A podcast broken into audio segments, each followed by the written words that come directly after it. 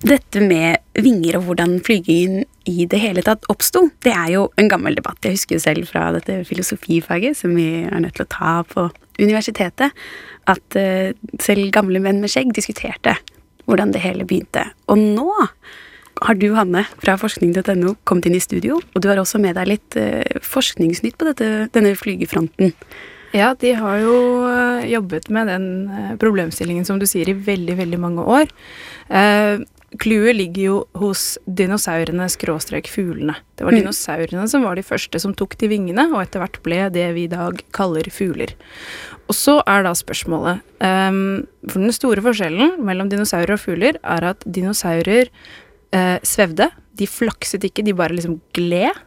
Mens fugler de flyr og flakser og kan ta av fra bakken. Ikke sant? Ja. Så hvem var den første fuglen når svevde de, og når flakset de? Så ja, når ble dinosaurene til fugler? Nettopp. Aha. Og da har de funnet et veldig godt bevart fossil i Kina eh, som heter mikroraptor. Det er en eh, liten eh, flyge, flygefugl, eller flygedinosaur, eh, på ca. på størrelse med en gås som er så godt bevart at de har kunnet bruke den avstøpningen av det fossilet til å lage en, en modell. Altså ikke med nebb og øyne og alt mulig rart, men en, liksom en, anatomisk modell som de har satt på muskler og fjær på. Og så har de kastet den utenfor bakker for å se om den kunne gli, da. Ja, for det er jo noe av det nærmeste man kan komme og vite hva dinosaurene faktisk drev med. Ja, og veldig ofte så er det veldig lite som er bevart. Du finner et hoftebein eller bare en skalle, og da har du ikke sjans til å vite hva som skjer. Mens denne dinosauren da, den er så godt bevart at liksom på noen av fossilene så kan du telle fjærene. Eh, og da får du eh, Ser du på bakbeina på disse dinosaurene, eh, så var det veldig veldig masse fjær. Så det ser ut som et ekstra sett med vinger. Og så er debatten da Var de faktisk et ekstra sett med vinger som da stabiliserte dinosauren, eller var det på en måte bare uh, fjærete bein? Uh, I så fall vil den måtte flakse for å fly. For denne modellen når man kaster den ut fra bakke eller et tre eller hva enn man prøver på. Men det de ser, er at Den svever jo. Nettopp. Som Altså eh, Dere kan jo gå inn på videoen, eh, som vi sikkert kan lenke opp til, og se at den lander ikke så veldig elegant, men det får vi satse på at den raptoren klarte av seg selv på en måte da den faktisk var levende. Ja. Men selve, selve liksom svevet er skikkelig elegant og egentlig ganske, ganske smooth, altså. Og så har de da modellert beina til den raptoren og sett om, om, den på en måte kunne spre beina sånn at de bakbeina ble vinger og ikke bare hang rett ned eller rett bak. Og det kunne de òg. Sånn at eh, sannsynligvis da så var dette her en svever, og dermed en dinosaur. dinosaur og ikke en fugl. Og ikke en fugl. Vi liker dinosaurer. De kan, de kan si mye om uh, fortiden. Absolutt. uh, men så får vi ta noen hopp frem i tid.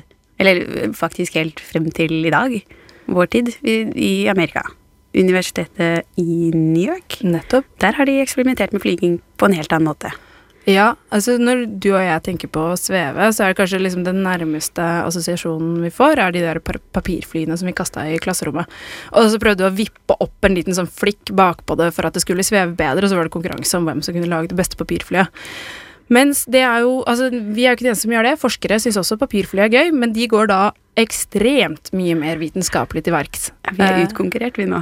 Åh, så inni hampen, liksom. For dette mm. her er da Kalle det papirfly er kanskje en overdrivelse. Det er mer en flygende paraply. Det er en liten sånn paraplyaktig konstruksjon. Um, og den får de til å sveve i lang, egentlig så lenge de vil av gangen, da. Og det de gjør, er at uh, de bruker lydbølger til å pulsere under denne paraplyen.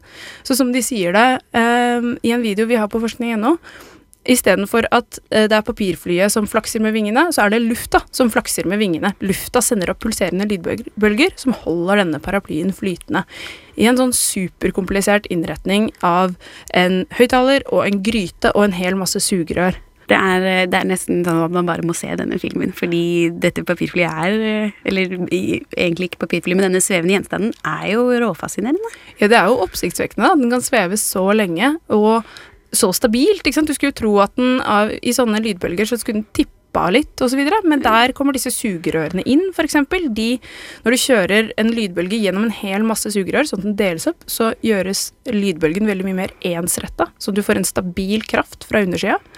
Og så I tillegg så er det eh, på en måte hele designet. Hvis en paraply er topptung, så viser det seg at da kan den holde seg stabil mye bedre enn hvis den er tung på bunnen. Og det viser de også hvorfor eh, på en måte kreftene bak det da, i denne videoen, som er veldig fascinerende. Ja. Vi får, eh, vi får linke vi til denne filmen, eller så kan du også klikke deg inn på eh, forskning.no, søke på papirfly, og da finner du det med en gang. Hanne Jacobsen, tusen takk for besøket, og velkommen igjen. Takk, takk.